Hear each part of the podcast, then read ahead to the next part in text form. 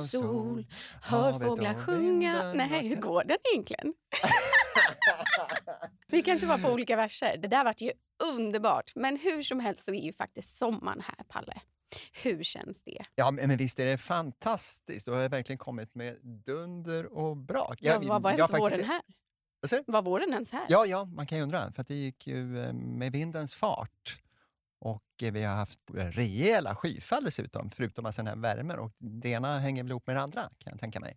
Det gillar väl naturvetarna att det kommer. Det grundvattnet måste ju höjas, det ska, ju, det ska saker ner i jorden. Och det ska... oh, nej, men absolut, visst är det så. Visst är det så. Jag, jag kan ju gilla det där när det kommer lite regn och så. Men, här, men nu har det liksom kommit eh, rejäla skyfall. Speciellt här i Stockholmsområdet. Det kom till 70-80 millimeter under något dygn bara. Och det märker ju jag när jag cyklar till jobbet det är ju de här um, parkvägarna, de är ju bortspolade. Mm. Det är liksom, man får stanna vid varje liten backe nästan och leda cykeln över rännilarna. Åh oh, herregud. Ja. Men det här var väl lite vad Gia pratade om i avsnittet kring vatten? Ja. Men att vi kanske kommer se mer skyfall. Precis. Mm. Det är en, en följd av klimatförändringarna mm. förstås. Mm. Och det här är kanske bara början. Nej men gud vad tragiskt det här blev. Men eh, jag tänker väl så här också, jag har hört att det här kommer bli den varmaste sommaren på flera, flera år. Alltså den knäcker 2018 när luftfuktigheten var typ 100 miljoner procent. Ja, ja, den här eh, brandsommaren och ja. verkligen torrsommaren. Ja. Jag, jag, jag hoppas ju själv att vi slipper det där. Ja, men vad ska men, du ha? Du ska ju inte ens vara i Sverige. Du ska ju jo, cykla jo, till Gibraltar. Okay, okay, ja, det är första i september som jag drar iväg. Ah, ja början på september. Äntligen händer det, hörni. Jag kan säga till alla lyssnare att snart kommer ni slippa höra att han ska till Gibraltar. snart kommer vi bara, snart kommer vi bara sen, höra om Gibraltar. Ja, ja precis. kommer istället bli sen... Ja, hör du, i, du, kan ju bara tänka hur det var i Gibraltar. Så vi har några avsnitt till, hör jag, om Gibraltar och Palles cykelresa. Mm. Men om vi ska titta tillbaka då. Herregud, vilket halvår vi har haft. Ja, verkligen. Gia var en av gästerna, mm. men vi har haft flera andra storheter kan man säga. Men verkligen. En av dem var ju Ale Mirazimi. Och han eh, syns ju i rutan var och varannan dag. Ja. Så det var liksom en ära att han kom till oss. Tycker jag. Men verkligen. Emma Frans. Just det. Hur kul som helst. Ja. Sen har vi också haft flera andra stora profiler. Joanna Svicka, eh, influencer och eh, känd från Robinson. Hon kom faktiskt tvåa i Robinson. Och hon avslöjade det avsnittet vid oss. Ja, det gjorde hon ja. Ja, vi var de första satt, som fick veta det. Ja, precis. Hon satte i munkavle på oss, så vi ja. fick ju förstås inte säga någonting. Nej, verkligen utan, inte. Eh, och det var inte så lätt det var inte hålla så lätt. tätt. Nej, hålla tätt. Sen har vi också haft dietisten Caroline Pettersson. Faktiskt ett av våra absolut mest lyssnade avsnitt. Ja, det toppar ja. Mm. Ja, men det är lite kul. Och det visar ju på något sätt att eh, det här med kost är väldigt viktigt. Verkligen. Och lite grann inne vad var hennes budskap egentligen? Det var väl att äta rätt varierat vad jag kommer ja, men ihåg. Du kan äta allt men ah. inte alltid. Det är mm, hennes lite mm. så mantra. Ja, just det, precis, ja. eh, så hon är väldigt mycket, hon är inte för såna här dieter eller fasta mm. utan hon är så här, mm. tallriksmodellen. Alltså go basic. Ja, men många behöver bli påminna om det i vårt moderna ja, samhälle idag. Är det någon mer du tänker? Jag vet någon jag blev jättekär i, eller inte kär i, men jag vill bli adopterad av i alla fall. ja, ja, det var ju förstås vår eh, kära Ola Jennersten, yes. zoologen. Mm. Honom mm. åkte vi hem till Uppsala slätte. Alltså, ja, det, det, var ju var så det. magiskt. Mm, jag kom därifrån med två mjölkkannor från grannen. Nej, men alltså, du hör, jag var ju helt såld på den där familjen och eh, det hemmet. Men mm. sen har vi också träffat Elinora eh, Svanberg som mm. tog emot pris från kungen eh, för ungt ledarskap. The coming generation är redan här. Är redan här. Kai Pollak. Rosen, Kai Pollak, ja det kanske symboliserar lite grann andra hållet då. Mm. Han har ju varit med länge och är ju en uh, allmänt känd. Sådär. Jag gillar hans budskap, det måste jag säga. Ja men precis. Kai Pollak är ju väldigt mycket att välja glädje i livet och eh, massa sådana ting. Sen har vi också mött politiker eller politik, en politiker, mm. Bette Malmberg, som faktiskt lovade oss saker i podden och sen så fick jag svar via mejl att hon hade tagit upp psykisk ohälsa eh, med socialministern samt hur man har jobbat efter metoo inom mm. akademin. Ja, precis, alltså, jag älskar när de är så här, ja. inte sitter och luras utan bara hands on. Och det visar lite grann också hur politisk påverkan kan fungera genom att träffa politikerna och ta upp viktiga frågor. Och hon gick ju igång direkt, tycker ja, jag. det var, liksom en, det var en hjärtefråga för henne. Ja, och en ah. fantastisk person också. Ja. Matematiker kan man väl lita på också, va? Åtminstone ibland. Ja, men jag menar det. Ja. Och vem pratar du om då? För vi har ju träffat också en stor profil vi har sett väldigt mycket nu under pandemin. Ja, just det, precis. Ja, det är ju Tom Britton. Tompa. Ja, vår egen, höll jag på att säga. Det vart ju nästan så med hela svenska folket. Ja, gud ja. Han klev in i vardagsrummet där varje, åtminstone en gång i veckan. Det Ja. så. Han liksom kom med sina kurvor som han ritade. Ja, gud ja. Han var också Ja. väldigt bra. Väldigt pedagogisk. Fick mig att Mm. bli lite så här, mm, matte, me like. Lite mattekär. Lite, ja, vi ska Nej, inte ta i. ska Alltså, vi ska inte ta i. Men jag kände mer så här, gud jag hade velat haft honom som lärare. Han var Ja. fantastisk. Sen har vi också träffat Isha Lindberg, Just det, hållbarhetskommunikation precis. och allt vad det innebär. Kommunicera på rätt sätt. Så att det liksom, budskapet går fram. Så man liksom inte bara står ifrån sig. Det var väl ett utav hennes, en av hennes poänger. Ja, har vi då tagit alla? Ja, det känns så. Claes Hallberg. Nej men gud, Klasse! Åh! Ja, han var ju hur härlig Ja. som helst. Att sitta ner och hålla käften. Ja, dels det, men också att hångla med. Ja, mitt under en pandemi. Och vad menas Ja. med det då? Jo, ta Ja, livet. det får man ju se lite mer som en metafor kanske, Mm. och inte liksom riktigt bokstavligen. Nej, precis. Att leva livet kan man säga, va? Ja. ta chanserna. Men ändå också våga säga nej när man Mm. känner att det liksom blir för mycket. Ja, men gud, alltså, budskap. Det avsnittet när vi intervjuade honom, herregud, det var, det var en... Jag vet inte vad det var för dans. Det var typ streetdance och hiphop. Alltså det gick så snabbt. Ja. Och det var så roligt. Alltså jag skrattade något sjukt. Så ni som inte lyssnar på honom kan ju faktiskt eh, tips. Det är att ta upp det programmet och Mm. eh, gå in på Claes Hallberg. Ja men verkligen. Mm. Och det finns ju också flera gamla som vi pratade om på nyårskaramellerna som är fortfarande kär i tarmfloran med Lars Engström. Han håller. Han håller. Och jag har vänner som också säger så här, det bästa avsnittet jag någonsin har gjort, det var det där med tarmfloran. Jag bara, Jaha. va? Här har vi mött Kai, här har vi mött Claes, Ja. här har vi mött liksom, Ja. Ali Mirazimi och gud vet allt. Mm. Ja men så det är ju många avsnitt som ligger och väntar. Och det här, Många har det blivit tillsammans nu då? Vi är uppe i en, det är över 30. ja över 30. 31 kanske. Ja. Mm. Och fler kommer. Och vi har ju efter sommaren flera spännande gäster som är på ingång. Men de tycker jag inte vi ska avslöja. Nej, vi ska inte släppa dem. Nej. Utan det får bli lite spänning. Ja men verkligen. Men Ja. jag kan lova er att det är Vi, håll, vi kommer ju att fortsätta hålla måttet. Ja, verkligen. Om inte mer. Ja. Så otroligt roligt. Men okej, om vi bara bryter ner oss. Sommaren är här. Du ska snart till Gibraltar och göra den där jäkla cykelresan. På hur många mil Du, var det? precis, jag kan inte- du tänker att äntligen är den snart över, så vi slipper tjatet. Snart är Ja, men det cykelresan. handlar om 420 mil. faktiskt. 420 mil ska du cykla. Mm. Hur känns det? Ja, nej, men det är lite spännande. Eller det är verkligen spännande just det här med att möta nya platser, nya kulturer, jag säga. Det, det, det är väl delvis också genom Europa. Mm. Och, eh, men sen får man ju ha respekt för att det kommer bli tufft. Ja, jag tänker mer så här, hur Ja. kommer benen? Alltså så här, Ja, det vågar jag inte ens tänka på. nej, kommer du ens kunna gå eller kommer du rulla rullstol? eh, Nej, de det, jag, nej, men det tror jag inte. Det, på det sättet så sliter det inte så mycket. Nej, Utan det är ändå ganska skonsamt mot kroppen. okej. Ah, Sen hålla energinivån uppe, alltså Mm. inte mentalt utan eh, fysiologiskt. Ja, men jag tänker, då har du ju lärt dig väldigt mycket. Dels från Caroline Pettersson, hur du ska Ja. tänka kring mat. Du har också Claes Hallberg, där du sitter och håller, ner, håller käften på cykeln. Ja, ja precis. Alltså lite meditativt då, Ja, som sitter ja. ner och håller käften står för honom. Ehm, och lite sånt. Tom Britton, alltså du kan ju räkna på hur många mil du har kvar. Nej, men alltså, du, hör ju, du har ju lärt dig så mycket om det här. Jag lovar att komma, återkomma lite kurvor. Och... Underbart. Men hör du Nikita, du själv då? Vad har du för planer? Du ska till gud. Öland har jag förstått. Eh, ja, jag ska faktiskt både till Gotland och till Öland. Ja, Eh, så att jag ska också resa runt i Sverige. Jag ska hemestra. Mm. hemestra. Ja, Mm. hemestra. Eh, det känns också så här, det är fem veckor jag har semester men de är redan uppbokade. Jag blir så här, vad händer med det här och ta det lugnt? Ja, jag tänkte jag skulle säga det. Hur är det med återhämtningen? Nej, men jag tänker väl då också att det är så lite som vi har pratat om i flera olika avsnitt att det finns ju saker man gör som ger en återhämtning också. Eh, att man laddar sina batterier och jag är ju extremt social så jag laddar ju mina batterier tillsammans med andra medan vissa faktiskt som min sambo stackarn, måste ju liksom ha sin egen tid för att ladda sina Oj, batterier. oj, oj, stackars Aron. När han Eller lever med mig. grattis. ja, eller grattis. Ja. Nej, men så jag ska bara vara i Sverige och sen så faktiskt ska jag till Värmland med Friendcation som Joanna Svicka har Du startat. ska till Värmland? Vi är sommarställe i Värmland. I know. Ja. Men jag ska på Var ska du då? Lyxigare tältning kan man kalla det. Glamping, vad är det för någonting? Ja, men det, är, det är precis som att Camping. tälta. Ja. Fast det är ett större tält och du har dubbelsäng och du har liksom bekvämlighet och går in på matta, du kan stå upp. Det är liksom glamping. Ah, ja, lite alltså, bekväm camping kanske man kan säga. Precis, verkligen. Exakt så. Så det Ah. ska jag göra med en massa främmande kvinnor jag aldrig träffat. Oj, och oj, eh, dra upp vin ur eh, fiskenet i skärgården och fiska. Oj, alltså, jag spännande. Ja. Så det är typ det. nog om oss, eller? Och om våra gamla, äh, gamla, gamla och gamla, de vi har intervjuat tidigare. Ja, vi ska, ska titta framåt lite grann. Och vi har ju en gäst här idag, inte minst. Ja, ja. vi ska ju träffa Stockholm Bränneri. Precis.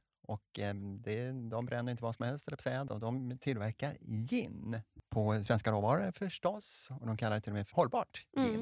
Mm, verkligen. Ja, och det är ekologiskt framtaget mm. och det är mycket från den svenska Sommarhagen. Ängarna, precis. Sommarhagen, det låter poetiskt. Ja, men du var ju så poetisk i början så då tänker jag att jag kan köra på. Nej men precis, så de ska vi träffa och mm. eh, höra mer kemin bakom när de framtar det. Varför startade de ett mikroginbryggeri mitt på Södermalm. Eh, varför jobbar de ekologiskt och varför jobbar de och hur levererar de? Jag vet att de cyklar på någon elcykel för att leverera flaskorna till sina restauranger och allting sånt. Och också hur de ställde om under pandemin gällande slaggprodukter, eller vad heter det? Ja, just det, precis. Ja. Det var en restprodukt. Restprodukt. Ja, som, ja. De gjorde, som de annars har slängt. Ja. Ah, och det men... kunde de använda till eh, det vet vi inte. Nej, vi ska ta oss någonting. Nej, nej, nej. Jag tänker väl att det kan man väl få se vad de gjorde med. Ja. Och sen, det kanske också är lite viktigt här att berätta att varför gör vi då detta? Det handlar liksom, vi ska förstås inte sprida någon marknadsföra gin som sådan produkt, men däremot om många dricker det, så är det ju bara. Och eh, då tycker jag man kan välja svenskt istället för att köpa ifrån eh, andra länder, med långa transporter och kanske inte alls är lika ekologiskt. Ja precis, det var ju hållbarheten som fick oss att ja. Eh, falla för det. Och dels innovationen men också just det här med svenska sommarhagen. Nu blir jag poetisk igen. Ja. Nej, men det är många led som gjorde att vi valde dem faktiskt. Mm. Nej men du ser ju, det är ju världens pitch här helt enkelt. Och som sagt, de ställde om under pandemin och det är också väldigt intressant vad man kan göra för att bidra och hjälpa till när det behövs. Precis. Nej, men jag tycker helt enkelt att vi släpper in Anna Wikner som är en av grundarna av Stockholms bränneri som kan berätta om hennes bakgrund och varför hon och hennes man numera valde att starta det här i Stockholms innerstad.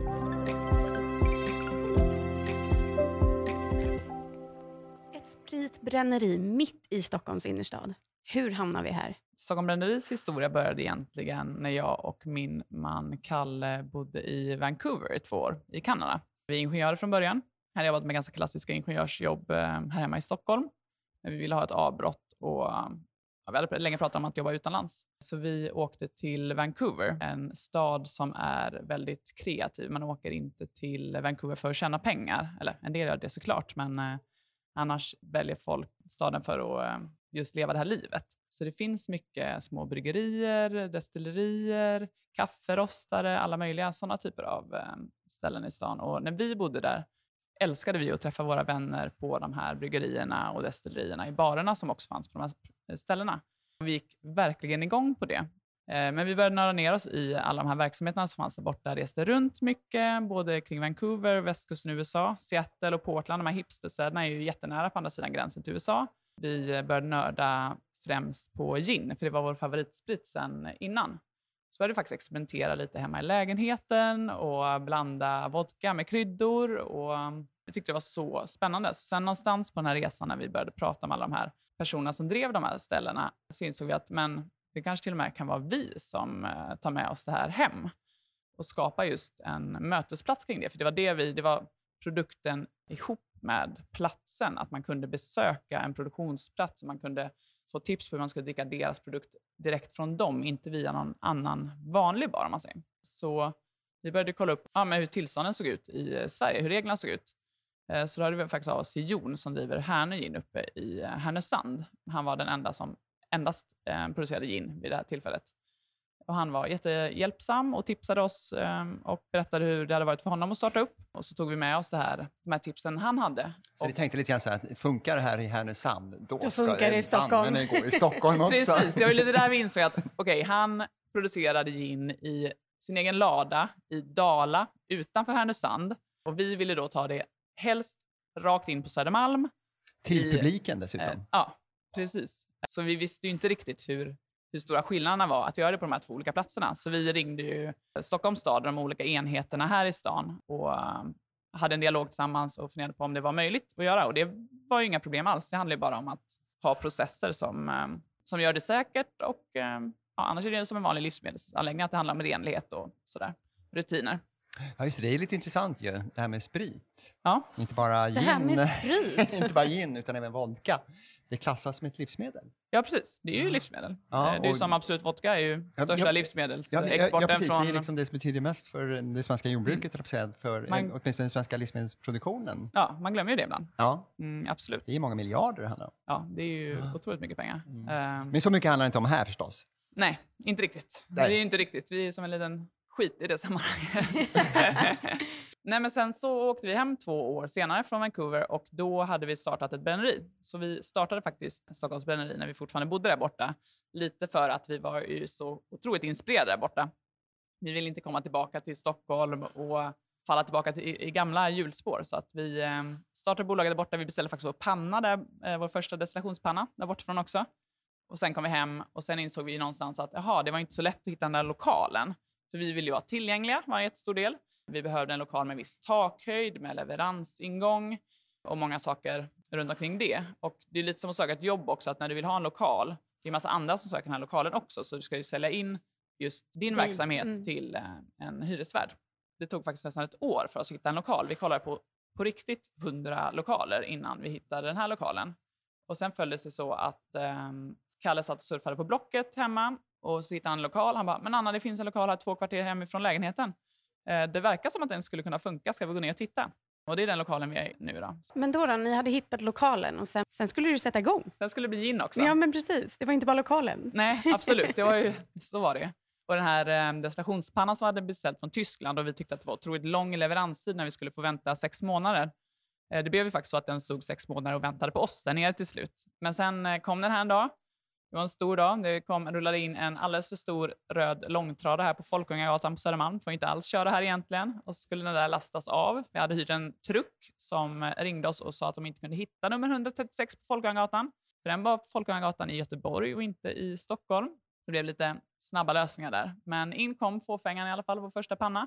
Nej, men sen skulle det tas fram en gin då. Och gin är ju otroligt brett i definition. Vet ni vad en gin är för någonting? Jo, men jag vet att det finns eh, en kryddblandning. Ja, med, och vad är det främst du känner då? Ja, det är ju, eh, vad heter det, enbär. Ja, precis. Och även koriander och även uh, Angelica-rot. Angelica-rot, va? ja precis. Oj, oj, oj. Nu börjar du imponera. Men jag, ja, men jag såg en bild här, det har ni alla där Nej, med. Ja, just det, du har ju... Men å andra sidan, de står ju på latin. Ja, Ja, Men du du är visar din kunskap där också. Ja, ja, Ja. exakt, exakt.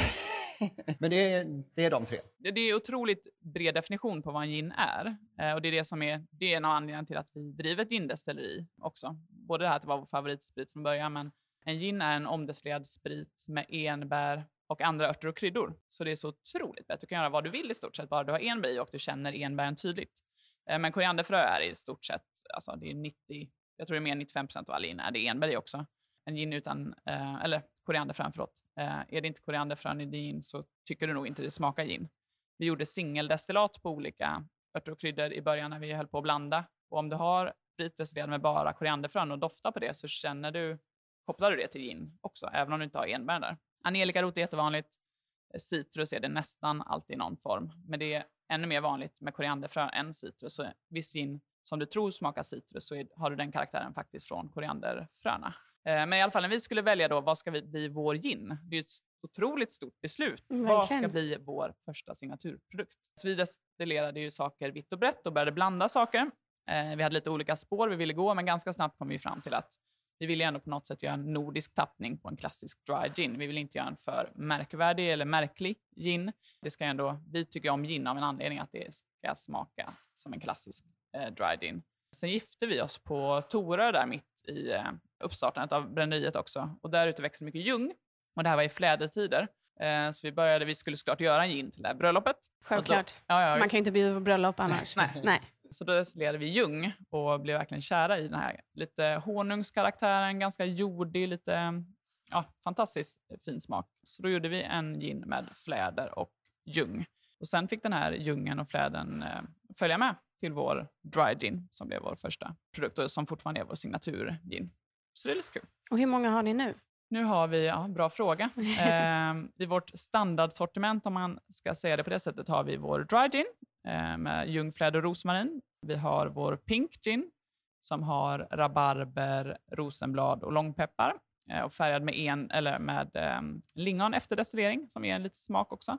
Och sen har vi en ekfatslagad gin eh, med apelsin och eh, långpeppar i, som har legat på fat i eh, 54 dagar för att få lite avrundning och lite ekkaraktär. Men också mycket, mycket mer enbär än i vår vanliga gin för att gin-karaktären ska klara sig genom fatlagringen. Eh, sen har vi en akvavit som också är en gin som är skithäftig. Det är, det är en gin, men vi har också jättemycket krondill i den och fänkål och kummin. Så du kan blanda en GT eller en AT på den, jättegott. Och du kan dricka den som snabbt, så du kan göra alla klassiska gindrinkar så får du en härlig grön twist på dem med den här starka krondillskaraktären. Eh, så det är våra, vårt ginsortiment. Sen har vi också lite aperitiffer. Vi har en som vi kallar röd och en som vi kallar svart. En rönnbärsbaserad och en kaffebaserad.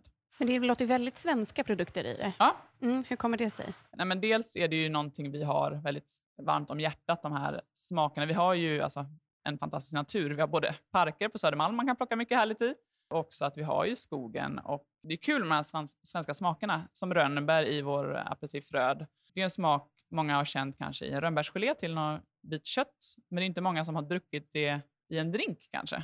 Så vi experimenterade med den i en bitter till en glögg för några år sedan och sen blev det kvar rönnbär i en flaska som bara stod. Sen hittade vi den några månader senare och insåg att det här måste vi göra någonting mer med.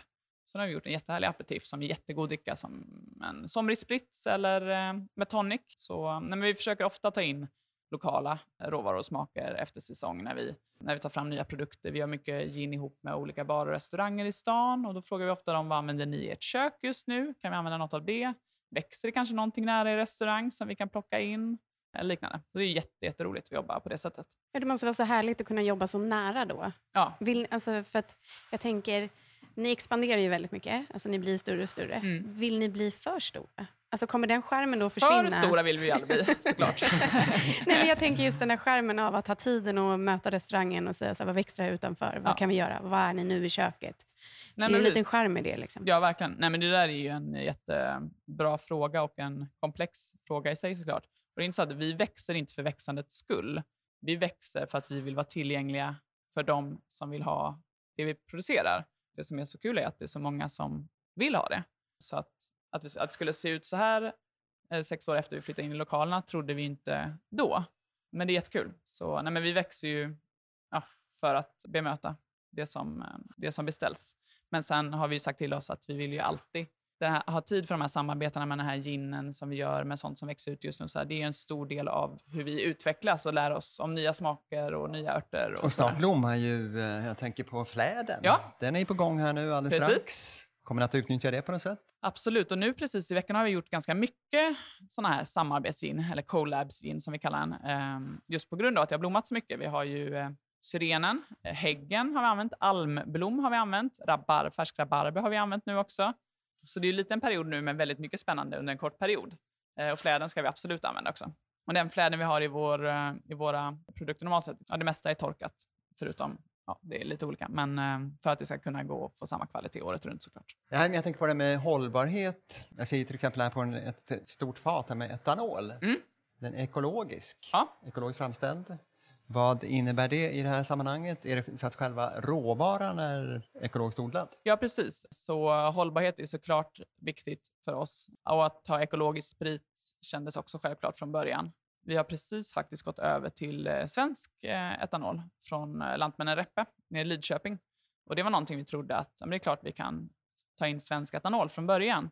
Men dels handlar det ju om kvaliteten på att när man destillerar gin så är ju etanolen, man utgår alltid från 96% etanol för att göra gin. Det är en del av definitionen. Det är nästan inget gindestilleri som tillverkar sin egen etanol. För man vill ju ha det som ett vitt papper som man ska måla sin gintavla på kan man säga. Så dels handlar det om kvaliteten. Om du köper in sprit för, för, från ett för litet destilleri så är det svårt med att ha en jämn kvalitet och också att den ska smaka tillräckligt lite spriten.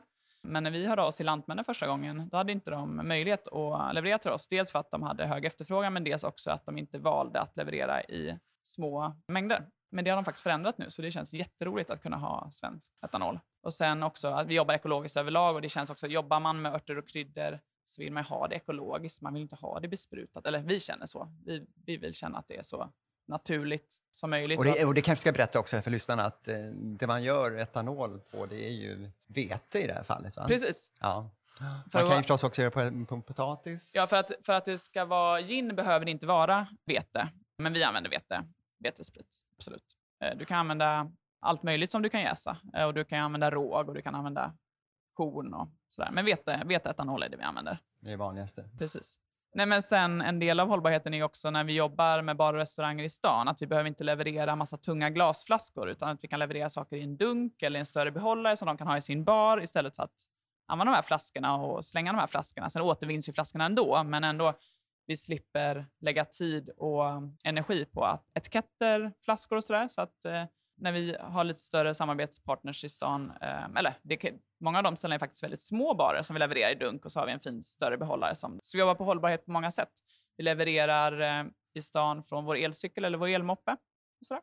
Väldigt bra. Mm. Väldigt ja, sånt gillar vi. Verkligen. Men hur är det då med kemin bakom allting? Alltså jag tänker så här, det, ja, jag fattar ju att ni namedroppar både latin och eh, vete och eh, potatis och gud allt. Och, örterna kan jag vara med på. Men jag menar, ni lärde er det där mycket i Kanada. Ja.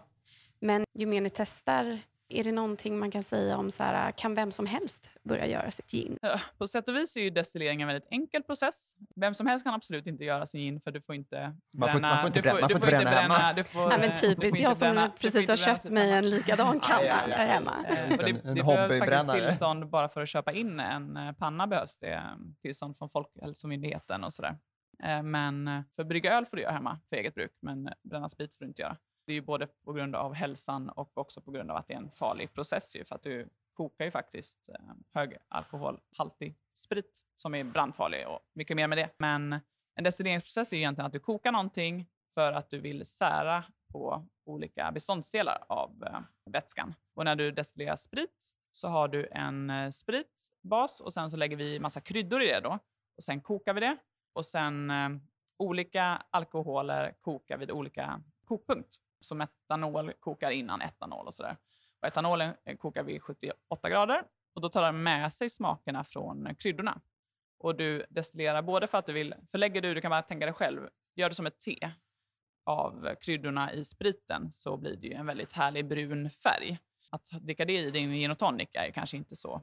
För ögat eh, fröjd så blir det ju inte så härligt. Så du vill både bli av med den här färgen, du vill ha en härlig krisp eh, genomskinlig gin men du vill också ha de allra bästa smakerna du kan få med dig av de här kryddorna och örterna du har använt. Eh, så då kokar man det då. Det går igenom destillationspannan. Det blir ånga först och sen så går det igenom eh, kondensator så det blir vätska igen. Olika smaker, olika flyktiga ämnen kommer med vid olika tidpunkter på koket. Så då kan du välja exakt vad du vill ha med i din. Eh, så det första som kommer ut smakar lite sämre och kallas huvudet, eller heads använder man ofta det engelska uttrycket. Det tar du bort. Sen det i mitten som smakar, har den där smaken du vill ha med dig. Det blir hearts. Men du är också noga med att du blandar det. Det är inte så att du tar flaska efter flaska ut från det som kommer, för det smakar olika hela vägen.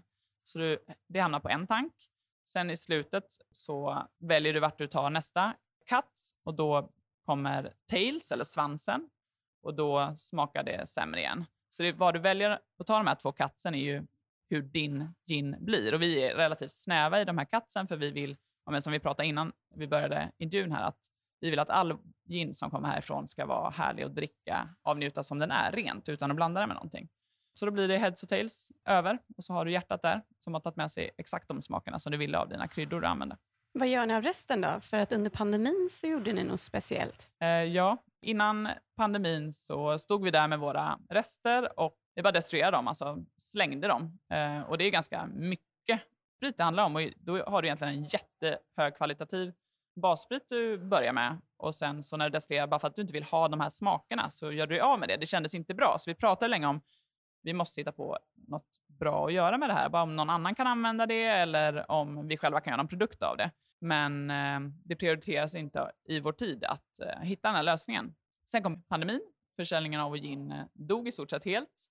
Vi började lite skämta om att ja, men vi kanske ska göra handsprit av vår, eh, våra heads och tails då. Men det kändes lite som ett osmakligt skämt nästan. Eh, men sen hörde faktiskt både privatpersoner, ålderdomshem, sjukvårdsavdelningar hörde av sig till oss och frågade, ni tillverkar ju sprit, ni borde också kunna hjälpa oss för, med sprit till, eh, ryser eh, till handsprit och sådär. Och då insåg vi att men det finns ju faktiskt ett behov. Nu måste vi se om vi kan hjälpa till. Och vi visste inte om får vi göra den här typen av, eh, eller får vi använda vår sprit till de här typerna av produkter? Det går helt plötsligt från livsmedelsindustri till att bli teknisk sprit som det kallas och det krävs tillstånd och sådär för det. Så jag var väldigt snabba med att kolla upp det här och det verkar inte vara några problem. Så bara några dagar senare så hade vi tillverkat handsprit. Och det var jättekul att kunna hjälpa till då var, i början. Var ni tidigt ute där också? Vi var nog ganska ja, tidigt ute tror jag. Det var en, verkligen stor efterfrågan där i början. Verkligen, det, det för då var det ju på riktigt en brist för att ja. alla i Europa skulle ha handsprit samtidigt. Det, det märkte jag om inte annat när vi skulle beställa flaskor och pumphuvuden. Att helt plötsligt, första gången vi hörde av oss till tillverkare så var det inga problem och bara några dagar senare när vi insåg hur stor volym det gick härifrån, när vi skulle beställa mer, bara, nej men då var det slut överallt och det var leverans om några veckor eller om någon månad. Och den tiden fanns ju inte för oss, så vi fick ju söka land och rike runt efter de här flaskorna till vår handsprit. Nej, så numera går i stort sett all, all vår restproduktion, eller all, alla våra restprodukter går till att bli handsprit.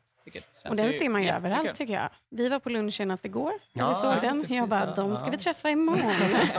Var man än går. Ja, nej, men roligt. Nej, men det är kul att både kunna hjälpa till där och se att våra restprodukter blir till någonting.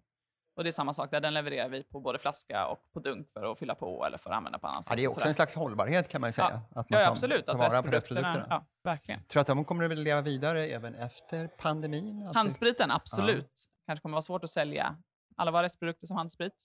Men det, det vet vi ju inte nu. Men yeah. eh, jag tror också att svenska folket har andra rutiner hemma. Jag tror verkligen. att folk kommer använda handsprit mer mm. än vad man gjorde innan. Åtminstone i influensa. Ja, så, kan jag verkligen tänka verkligen. mig. Det har något sätt blivit en rutin. Ja. För många. ja, men jag tror att det inte kommer försvinna. Nej. Alltså, jag tror att man nu har blivit så himla renliga med händerna. Så att, mm. Eller liksom mm. medveten om att tvätta. Jag tror inte mm. man ska sprita ja, på händerna ja. för mycket. Ja, precis. Och det gör ju också att man kanske slipper framtida, inte bara pandemi, utan även vanliga influensa. Ja, det är bara att se i år att influensan, den vanliga ja. influensan var ju inte så aktiv i år på grund av detta. Så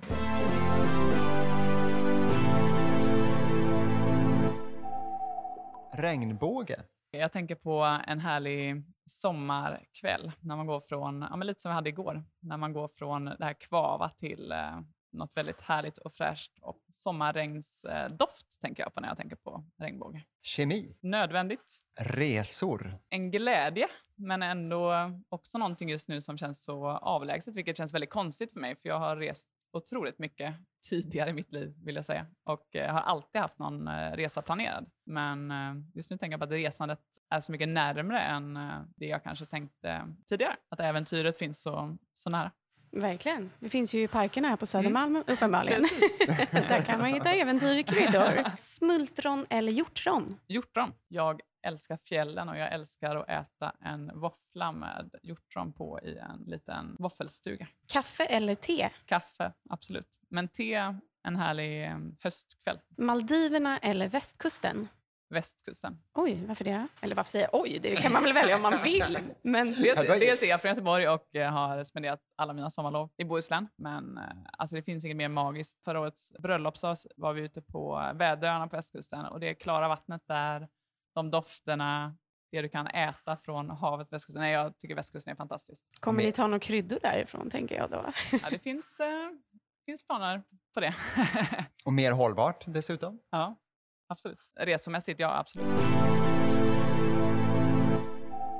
Det är ganska spännande med den här verksamheten som ni har byggt upp här. Vi ser ju de här förkromade stora behållarna, destillationsapparaterna och allt vad det kan vara för någonting. Och det är folk som jobbar här också. Tänk lite på hur många är ni som är sysselsatta här? Jo, idag är vi ungefär, säger jag för att det är mycket spännande nu, ungefär fem stycken heltidsanställda och så ofta är det tre eller fyra stycken timanställda här. Eh, nästan varje dag för buteljering och en del av produktionen. Eh, det har hänt mycket de senaste åren, dels med antalet personer vi är här, men också att eh, det skjuts ut bebisar just nu. Så, skjuts bebisar. Så Babyboom här ja. i, men Vår i första dotter Vilda kom när vi hade hållit på här två år ungefär. Och då anställde vi Erik. Sen så fick både vi och Erik barn här i ehm, slutet av sommaren i fjol. Jessica, vår ganska nya kollega, fick barn ehm, häromdagen. Så vi har precis eh, fått in en jättehärlig ersättare för henne. Dels växer vi som företag som vi pratade om innan, men dels också händer det mycket. Så det är jättespännande och utmanande. Är du och din man lika mycket i produktionen nu eller är ni liksom, har ni lämnat? Eh, vi är faktiskt ganska lite i produktionen idag. Kalle är nog mer inblandad i mycket av den produktionsutveckling vi har gjort. Så jag jobbar väl mer med varumärke och eh, den sidan och Kalle jobbar mer med logistiken och det tekniska. Jag var ju och träffade dig förut eh, spontant en gång på mm. en pressrelease av er senaste gin ja. som hade kaffe i sig. Mm, precis. Det var ju väldigt speciellt för en icke kaffedrickande, men det var väldigt gott. Ja, det är så kul att höra. Ja, kan mm. du berätta om den? För den ja. ser ju lite ut som den där ginen, för ni hade någon drink som kallades kloakvatten. Ja, Minns jag rätt? Ja. men, kolla minnet, Palle. Minnet. Wow! wow. Imponerande. eh, nej, men för när du pratade om just hur man gjorde kemin, den här tailen, hjärtat och huvudet, så är det ju oftast den färgen man inte vill ha. Men här blev det ju en annan färg. Just det, det är väldigt, väldigt, väldigt sant. Och just det här är inte en gin som du pratar om, utan det här är vår aperitif svart. Men den innehåller också gin. Eh, och den är ju nästan helt svart till färgen. Och eh, faktiskt som du säger, många drinkar får kanske inte den härligaste färgen, men eh, det är tur att den smakar bra, som du tycker. Eh, men det är en eh, produkt som är baserad på äppelvin, svenskt äppelvin, också ekologiskt. Vår gin, kaffe och ehm, citron och massa andra härliga kryddor. Så den är både bitter och har den här kaffesmaken och en eh, syra. Man kan jämföra det med en kaffelikör för att du kan använda den på i stort sett samma sätt, men den är eh, hälften så söt som en klassisk kaffelikör och den har ju så mycket bredare spektrum. Så vi är jättestolta över den här produkten och eh, men till exempel att blanda den bara med tonic är helt fantastiskt. Så man blandar i socker alltså? Inte i gin då, men det här är ju vår aperitif. Så ah, okay. både vår aperitif ah, röd och vår ah. aperitif svart eh, har ju socker i sig. Så den kan nästan börja likna en åt likörhållet till, fast inte riktigt? Eh, ja, absolut. Inte lika mycket socker som en likör, men ja. Ja, det var som en fråga förresten också. Går det på export? Har det liksom nått utanför Sverige? Ja, det gör det. Eh, Danmark var vår första Eh, marknad. Nu har jag inget datum i huvudet, men ganska tidigt började vi exportera till Danmark. Just nu är Tyskland vår största marknad. Eh, Danmark har gått ner lite nu under pandemin, för de har ju varit väldigt mycket stängt och sådär. Eh, men vi exporterar till ungefär 15 marknader idag. Så skickade iväg vår första, våra första två containrar med gin Oj. till USA här i vintras, påskas. Det var kallt i alla fall. ja, precis. Nej, men så det är stort, så det är jätteroligt och den tas väl emot utomlands också. Men jag tänker i drömmen att se er gin på den platsen historien börjar, i Kanada. Ja, jag är faktiskt besviken på oss. När vi drog igång sa vi det att Kanada absolut skulle bli en av de första marknaderna. Vi finns fortfarande inte där. Det känns väldigt bra att vi finns på andra sidan gränsen nu i alla fall. Många av våra vänner vi fick där borta är, från, eh, är amerikaner och bor i USA nu. Men eh, den ska absolut till den ska eh, Kanada, verkligen. Till Vancouver, till de här butikerna vi var i. Vad, vad är det för namn i varumärket? När det kommer ut i... Eh, ja, i utomlands. Ja, och det är, vi heter ju Stockholms bränneri. Ja. Och det var ett väldigt eh, aktivt val att vi heter bränneri och inte distillery. Eh, för att eh, vi vill tydligt vara svenska och också, alltså, det skandinaviska varumärket är ju starkt utomlands. Och bränneri med ett ä med prickarna är ju lite exotiskt också. Så vi heter precis samma sak utomlands. De behöver ju bara ställa sig där på gränsen i USA, typ där vid Vermont någonstans. Det är bara att kasta över lite så här. Så ja, är ni ju i Kanada. Ja. Precis, det är bara lite så. Precis, precis. Tar du på dig den, Palle? Ja, ja. Det, ja, ja. Ställ dig där och kasta lite Det fixar vi. Ja. Jag tror säkert de blir jätteglada. Men vad är drömmen då? Eller liksom, vad är målet nu? Vad ser ni i framtiden nu? Förutom babyboom och eh, nya anställningar. Och... Nej, men målet egentligen är... Eh, alltså vi är ju mitt i målet också på något sätt, men vi vill i Skandinavien och i vår närhet var en självklar spelare när det kommer till hantverksmässigt framställd eh, dryck. Både gin och sprit och andra drycker. Att folk ser det när de tänker på Stockholms Bränneri, att de ser oss som något kreativt och man vet att det är högkvalitativa grejer som smakar bra som kommer härifrån. Och också den här tillgängligheten är en jättestor del av vårt mål eller vårt varumärke överlag. Att vi ska alltid finnas tillgängliga. Att folk kan komma in och ha en provning här samtidigt som produktionen är igång och att vi tillverkar här på Folkungagatan. Och vi kan ha bartenders och folk från restaurangen kan komma på besök och lära sig mer om våra produkter hos oss där allting sker. Det tycker jag är så viktigt och så härligt. Det, det ger mig så mycket energi, hela den här besöksverksamheten också. och vi får så mycket härliga dialoger av folk som är här. Det är ja, otroligt det. roligt. Det är lite som den här gamla, inte för att de hade något liksom, bränneri, men vad hette den här gamla serien? Den här baren Ja, du tänker uppe i... i uh, USA. Nu är jag i Amerika. Jaha, ja, den här okay, kända okay. som alla kom in i. Man, hela ja, serien gick ut på, på, att man bara satt och lyssnade på folk. Så det var så otroligt intressant. Mm. Mm. Men det är jätteroligt. Och så gillar jag det där också, bara känslan av att ni cyklar iväg med de där flaskorna. Det är liksom som att vi är tillbaka lite för hundra år sedan när man liksom ja, levererade mjölkkannorna. Så här, mm. klirr, klirr, klirr, här kommer Nej, men Det är så kul och folk uppskattar det så mycket och också om man är ute och cyklar med cykeln, att folk kommer fram och undrar och frågar och, eller berättar eller visar en bild på deras gin de har hemma. Så ja, det är så gud härligt. Vad härligt. Ni har ju skapat ett community. Mm. Ja, men vi vill det. Vi vill, eh, ja. Mm. Ja, och sen så är det här varumärket ligger väl också själva designen kan man ju säga. Ja, absolut. Det här lite apoteksinspirerade mm. flaskorna mm. till exempel. Mm, ja. men det, ginen kommer ju från Genèven och Genèven var väl från början en uh, medicin mot magbesvär, påstod man i alla fall. Kan det, är där, så det är där vi har tagit Kan även ginen vara det? Absolut. Nej, men, eh, nej, men det kommer ju därifrån eh, medicin, medicinalhistorien. Har vi tagit inspirationen och så ihop med det här eh, väldigt skandinaviska strama uttrycket. Nej, men jag tänker på det, det finns ju liksom alltid belackare när, när man liksom kommer in på sprit. Ja, men där, gud. där vissa tycker att nej, men vadå, man ska inte hålla på att tillverka det. Nej, eh, självklart, självklart är det så. Eh, och det är inte så att vi vill att folk ska dricka mängder av vår sprit. Jag tycker inte någon ska dricka massor av sprit. Men alkohol till maten, eh, alkohol är precis som smör, en smakförstärkare. Att kunna avnjuta god dryck ger ju mig energi precis som det gör att ha en lång löprunda. Och att den här njutstunden, att, det, att vi kan hjälpa till att göra den till något fint och något som smakar gott, det tycker jag är, det tycker jag är en härlig grej. Lite mer som italienarna. Dricker vin till allt. Men här i, i Stockholm ja, dricker vi gin till allt. ja, nej, nej, det är sant. Det är, det är, liksom, det är en fråga om njutning förstås. Ja, precis. Ah. Det är som socker är dåligt för dig, alkohol ja. är dåligt för dig, men det är också bra för själen på något sätt. Ja. Så i lagom mängd är det ju bra att ha bra produkter. Och då får, får de gärna vara lite svenska och de får gärna vara närproducerade, ekologiska. Precis. Nej men gud, det har ju verkligen varit otroligt att sitta här på ett liksom, bränneri för första gången och spela in vår podd. Så härligt. Mm, kul, så ja. kul att ha er här. Ja men verkligen. Och nu var det nästan tyst. ja, bara, nu, nu när vi har spelat in klart, då bara nu. Eh, men vad tar du med dig, Palle, från det här avsnittet eller den här intervjun med Anna? Nej, men jag tycker att det är verkligen inspirerande att se några nystartare. Att man liksom vågar och ta det här initiativet i en bransch som är extremt reglerad och eh, det finns ju lite fördomar tror jag också. Sen den här mixen med eh, de här örterna. Det kan, jag, agronomen det kan jag som agronom gå igång på. Speciellt att den se på latin så här, det är lite häftigt. Nej, så att eh, verkligen kul att vara här. Mm. Du då, Nikita? Nej, men jag tar med mig dels hur det är härligt att se, vi, eh, de som lyssnar kan ju inte se dig, men det skiner ju verkligen. Du har ju verkligen hamnat i din, din flow-stund, alltså när du pratar om det. Också jag gillar det här närheten, att så här, ni cyklar med leveransen, ni pratar, det här samtalet, det skapar så mycket olika ringar på vattnet. Sånt älskar jag verkligen. Jag är glad att höra. Och också så här, ni går och plockar. Bara, det finns här i... Mitt hjärta är ju alltid för Södermalm, där har mina en, mina vänner. Men bara så här närodlat och hur du pratar om parkerna och hur det skiner när du pratar om det. Det är fantastiskt. Verkligen. Vad tar du med dig? Ja, vad tar jag med mig? Det är kul. Det är alltid kul att um, få lite nya, nya frågor och um, kul att dela med sig av vår historia och vad vi gör här. Verkligen. Så kul att ha här.